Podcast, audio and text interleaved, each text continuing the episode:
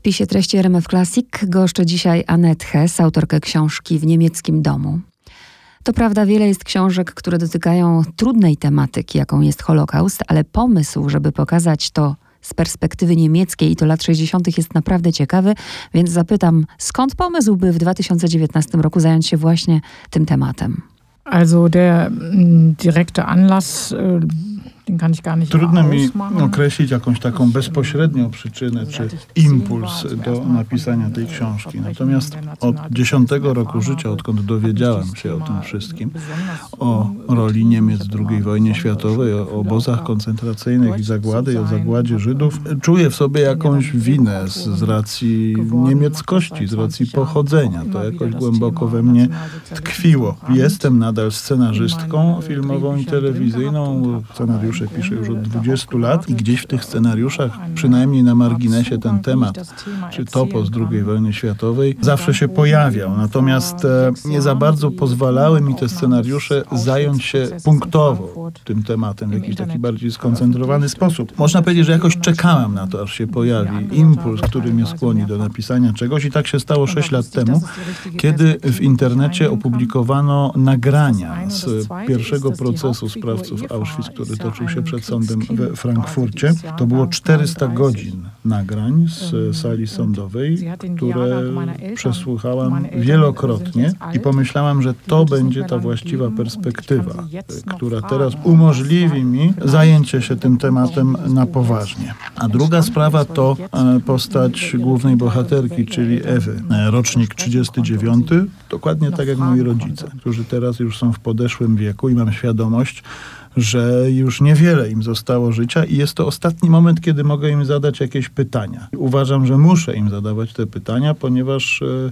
to pokolenie już odchodzi i jest to rzeczywiście ostatni dzwonek. Do tematu pokoleń na pewno jeszcze wrócimy, ale chcę zapytać jeszcze o te nagrania. One były w języku niemieckim, czy tam też był ktoś, kto tłumaczył? E, ja, das sind die originalen Aufnahmen. Es ist, glaube ich, nicht... To są oryginalne nagrania z sali sądowej. Oczywiście nie jest to cały tok postępowania, ale mm, na przykład pojawia się tam zawsze, kiedy jest e, powołany kolejny świadek do składania zeznań.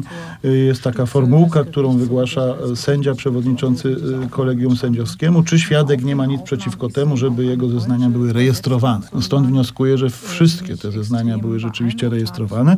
Oczywiście niektórzy świadkowie zeznają w obcych językach i tam zafrapowała mnie właśnie postać polskiej tłumaczki, która w pewnym momencie tłumaczy zeznania jednego ze świadków i ogromne wrażenie robi na, nie, na mnie jej spokój, y, koncentracja, a z drugiej strony to, w jaki sposób ona pomaga temu świadkowi odnaleźć się w tej sytuacji jako tłumaczka pozostaje oczywiście na drugim planie, bo główne role e, pełnią e, sędziowie, oskarżyciel, obrońcy, ale jej osoba i sposób, w jaki wykonuje swoje zadanie, zrobiły na mnie ogromne wrażenie. Na mnie z kolei wrażenie zrobiła bohaterka pani książki, Ewa. Nic nie wiedziała o tamtym czasie, co też idealnie oddaje ta scena mm, z rozświetlaniem Żydów, ale nie będę spoilerować. Nie miała żadnej wiedzy i czytelnik właściwie dowiaduje się o Holokauście tyle, ile wie Ewa i ile ona w ogóle rozumie. Czy to było celowe? Bo przecież można było poprowadzić fabułę i pokazać perspektywę ofiar, a tutaj inny pomysł. Ja, es war auf jeden Fall so, weil wir wissen ja relativ viel. Rzeczywiście jest tak, jak pani mówi, że dowiadujemy się o tych sprawach z perspektywy Ewy, choć oczywiście fakty o II wojnie światowej, o zagładzie są nam znane. Znamy liczby, znamy historie indywidualne, czy wielką historię, ale tutaj myślę, że nie mogłam tego zrobić inaczej niż właśnie w ten sposób, że ta postać Ewy to osoba, która z taką dziecięcą niewinnością i naiwnością podchodzi do do tego wszystkiego, dowiadując się o tym. I muszę też powiedzieć, że w pewnym sensie wzorcem dla tej postaci była moja matka, która w latach 60. właśnie mniej więcej tyle wiedziała na ten temat, co Ewa. Lata 60. to dla niej małżeństwo, dzieci, urządzanie mieszkania, układanie sobie życia. Z tego, co mi mówiła, w ogóle nie zorientowała się, że toczył się taki proces we Frankfurcie przed sądem. To jakoś szczególnie nie zainteresowało. Kiedy spotykam się z czytelnikami, e, często biorę ze sobą mm, tom encyklopedii Brockhausa. To taka pięciotomowa encyklopedia, która w każdym niemal niemieckim domu stoi na półce. E, wydanie z roku 1960. Pod hasłem Auschwitz znajdujemy tam e, wpis sześciolinijkowy. Auschwitz miasto na terenie Polski, duży, ważny węzeł kolejowy, e, walcownia wyrobów ocynkowanych. Jedno na samym końcu tych sześciu linijek zdanie w czasie II wojny światowej owiany złą sławą obóz koncentracyjny. Tyle, nic więcej. I taki stan wiedzy zgodny z danymi encyklopedycznymi reprezentowała większość niemieckiego młodego pokolenia wtedy w latach 60. Mimo, że możemy się domyślać, to spróbujmy jednak odpowiedzieć na pytanie, dlaczego w niemieckim domu nie mówiło się o tym. Also die deutsche Gesellschaft nach dem Zweiten Weltkrieg war po II wojnie światowej w społeczeństwie niemieckim dominowały dwa zjawiska. Z jednej strony wyparcie tej przeszłości, a z drugiej strony chęć odbudowy podstaw egzystencji życia. Z psychologicznego punktu widzenia i w świetle badań psychologicznych jest to absolutnie zrozumiałe, że coś takiego się stało, bo trudno oczekiwać, żeby społeczeństwo tuż po tych tragicznych wydarzeniach nagle zaczynało je rozpamiętywać. Gdyby tak było, zajęłoby się prawdopodobnie tylko tym i nigdy nie stanęłoby na nogi. A więc to wyparcie związane było też z tym, że po prostu ludzie chcieli myśleć o czym innym i robić coś innego. To lata e, słynnego cudu gospodarczego, e, wzrastającego dobrobytu. E, mięso zaczęło się pojawiać na talerzach w Niemczech każdego dnia, co wcześniej było raczej wyjątkiem. Ludzie woleli patrzeć przed siebie, patrzeć w przód. A z drugiej strony oczywiście to bolało. To, to była trauma, to były pewne głęboko tkwiące zadry, urazy. No i wina, jak pani też słusznie zauważyła. Dzieci nie wiedziały o tym, ale mm, dzieciom zakazywano też o to pytać. Była jakaś taka milcząca, czy, zmowa milczenia na ten temat. Dzieciom nie wolno było takich kłopotliwych pytań zadawać. Tu się pojawia też postać Annegret, którą pani pewnie pamięta. To jest też taki właśnie e, przykład na to, że niektóre e, osoby były niejako skazane na wyparcie, a z kolei zadawanie pytań było e, raczej kłopotliwe i, i, i niepożądane. E, teraz jeszcze pojawiają się e, już nie u tych osób, które to przeżyły, ale nawet u ich potomków, kolejnych pokoleń, pewne zaburzenia psychiczne, które z tego właśnie się biorą, z tego wyparcia. Ale to jest proces psychologicznie jak najbardziej możliwy do wytłumaczenia. E, kiedy e, ktoś e, jest ofiarą jakiegoś ciężkiego wypadku drogowego, najczęściej bezpośrednio po tym wypadku w ogóle nie pamięta jego przebiegu, nie jest w stanie sobie przypomnieć, jak to się stało, co się stało. Dopiero po jakimś czasie to gdzieś zaczyna się odzywać. Prawdopodobnie ten mechanizm wyparcia był takim zbiorowym mechanizmem w społeczeństwie niemieckim po wojnie. To, co dla mnie jest interesujące w Pani książce, to pokazanie różnych perspektyw i radzenia sobie z tą przeszłością. Rodzice na przykład wyparli przeszłość. Ewa chce się z tym zmierzyć. A siostra, która niby wyparła i jest po stronie rodziców, tak naprawdę jej życie pokazuje, że nie poradziła sobie z przeszłością. Um, ja, die Annegret ist ein wirklich Rzeczywiście tak jest, że Annegret jest klasycznym przypadkiem takiego dziecka, któremu zabroniono e, zadawania pytań.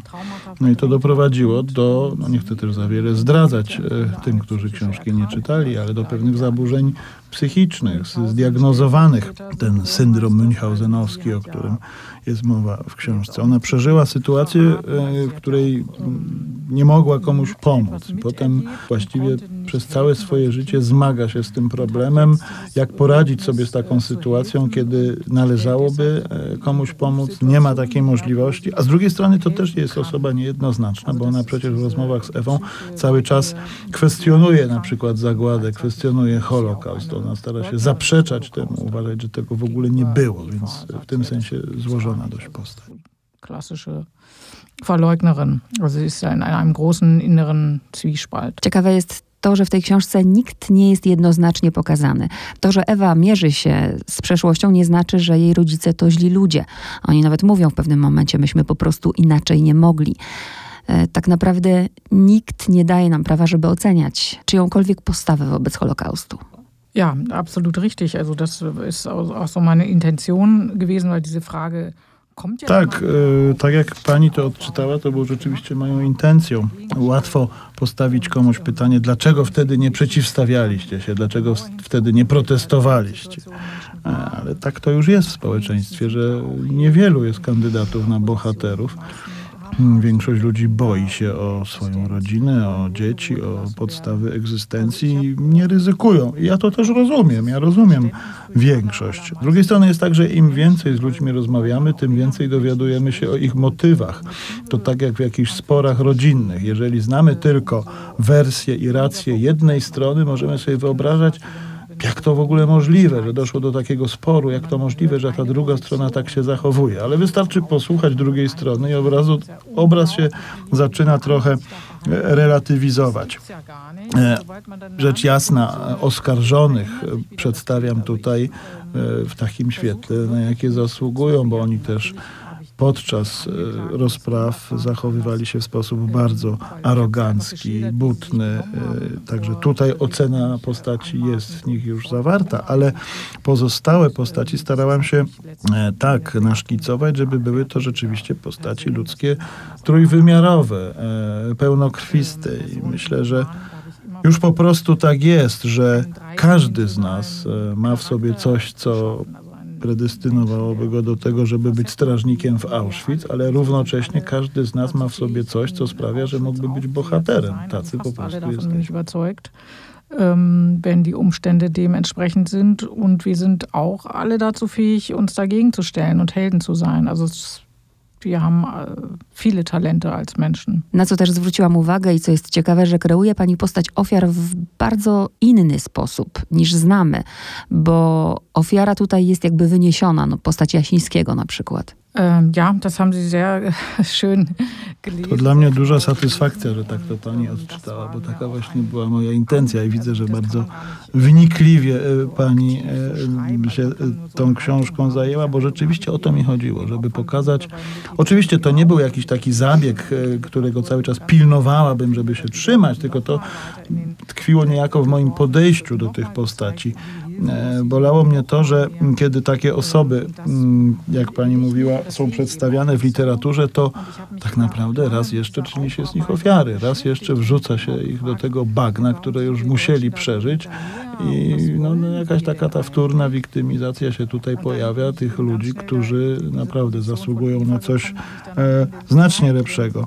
Można sobie też zadać pytanie, z niemieckiego punktu widzenia, o co tak naprawdę nam tutaj chodzi. Przecież chodzi głównie o to, żeby tym ludziom zwrócić ich godność, a nie stawiać ich w pozycji petentów wobec nas. I ta sytuacja, o której pani wspominała, znowu nie zdradzajmy, ale w której e, Jasiński zachowuje się w taki, a nie inny sposób wobec Ewy i manifestuje swoją godną E, postawę. To jest właśnie to, o co mi chodziło. Chodziło mi o to, żeby tym ludziom no jakoś tę godność przywrócić. A jak jest dzisiaj w niemieckich domach?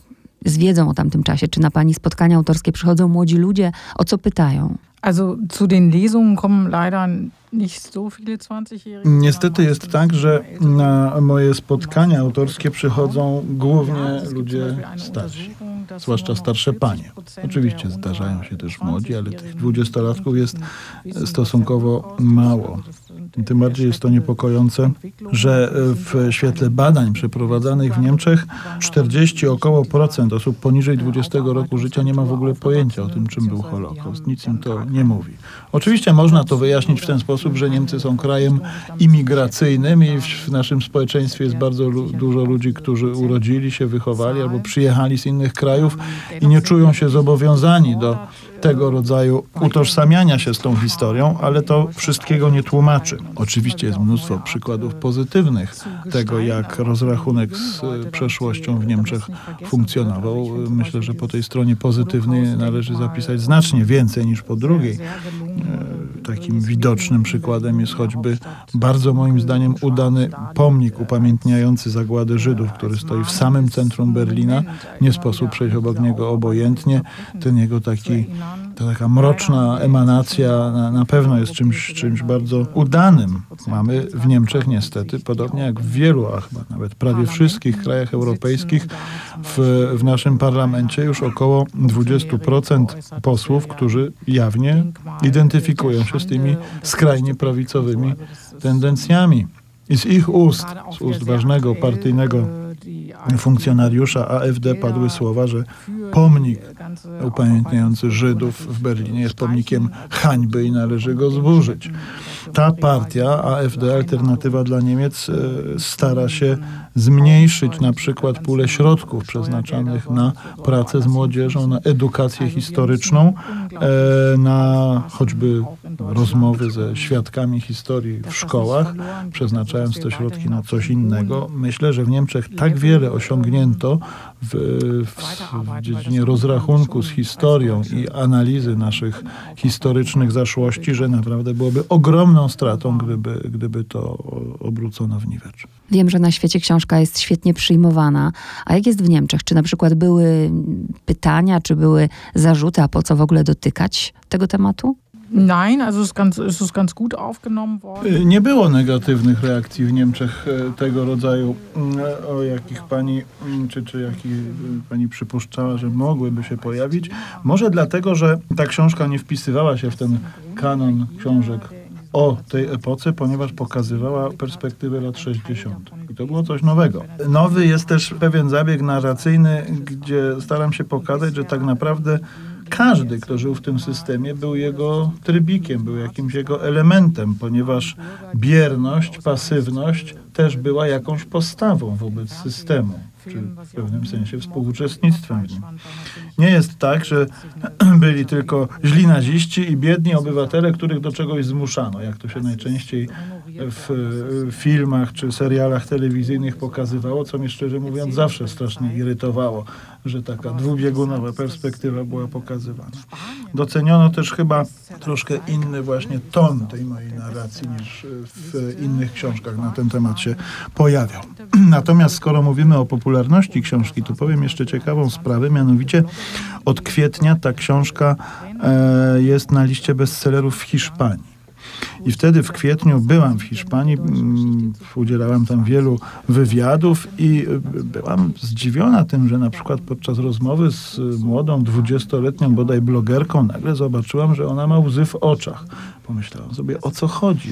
Hiszpania, dwudziestoletnia dziewczyna, co ją w ogóle może łączyć z tym tematem?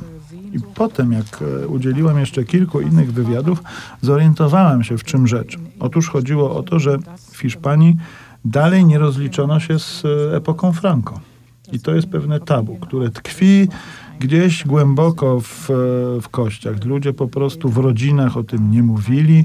Tęsknota za tym, żeby się z tymi czasami rozliczyć, w tych rozmowach, które prowadziłam z, z dziennikarzami hiszpańskimi, była wręcz fizycznie odczuwalna. E, myślę, że to dlatego w Hiszpanii ta książka cieszy się taką popularnością. Na koniec też z ciekawości pytam o okładkę, tę polską. Czy jest pani z niej zadowolona? Also, e, in der Roman kommt ja e, Książka mm, ma mm, wydania w 22 krajach. W każdym kraju właściwie okładka jest inna. Na szczęście w umowie y, zastrzegłam sobie, że mają być one ze mną konsultowane, y, te wersje graficzne i mam prawo E, je akceptować lub odrzucać. Nie jestem szczęśliwa, szczególnie z powodu tej polskiej okładki. moim zdaniem jest zbyt e, wyrazista może nawet ciut zbyt efekciarska, jeśli mogłabym tak powiedzieć. Ale wydawca zapewnił mnie, że e, sprzedaży książki zrobi to dobrze, więc przyjęłam ten argument. Na przykład w Niemczech moim zdaniem e, nikt nie próbowałby na, umieszczać motywów obozowych, takich jak zabudowania z Auschwitz na, na takiej okładce. Ale może to jest kwestia rynku, może kwestia mentalności, może też po prostu gustów różnych. W Serbii okładka też była moim zdaniem niezbyt szczęśliwa. Przypominała mi trochę jakiś plakat filmowy z lat 70 ale zaakceptowałam to w szacunku, poszanowaniu tego, że po prostu inne kraje, inne obyczaje. W innym kraju z kolei okładka zawierała tylko e, nazwisko autorki i tytuł, same litery. Także e, różnie z tym bywa, natomiast koniec końców nie jest to dla mnie aż tak istotne. Ważne jest, żeby ludzie czytali i jeżeli kogoś e, na przykład ta postać młodej kobiety na okładce skłoni do kupna i przeczytania tej książki, to dobrze, o to przecież mi chodziło. Bardzo dziękuję za rozmowę i też osobiście chcę powiedzieć, że bardzo się cieszę, że mogłyśmy porozmawiać, bo sama przyznaję do tego, że mm, wychowanie, szkoła bardzo wiele krzywdy mogą zrobić. Sama świadomie w wieku 13 lat nie wybrałam języka niemieckiego, nie umiem go, czego się bardzo wstydzę, właśnie z takiej niechęci do Niemców. Po przeczytaniu pani książki kolejny raz mi pani uświadamia, że to duży błąd i, i tak jak pani jakby przeprasza swoją książką, tak ja chcę przeprosić y, panią w swoim imieniu przede wszystkim. Oh, das freut mich jetzt natürlich sehr. Das nehme ich jetzt aber sehr mit. Als Geschenk. To jest coś, co wezmę Geschenk. jako bagaż z tej rozmowy. Y, duża satysfakcja ja. i wzruszenie. Danke.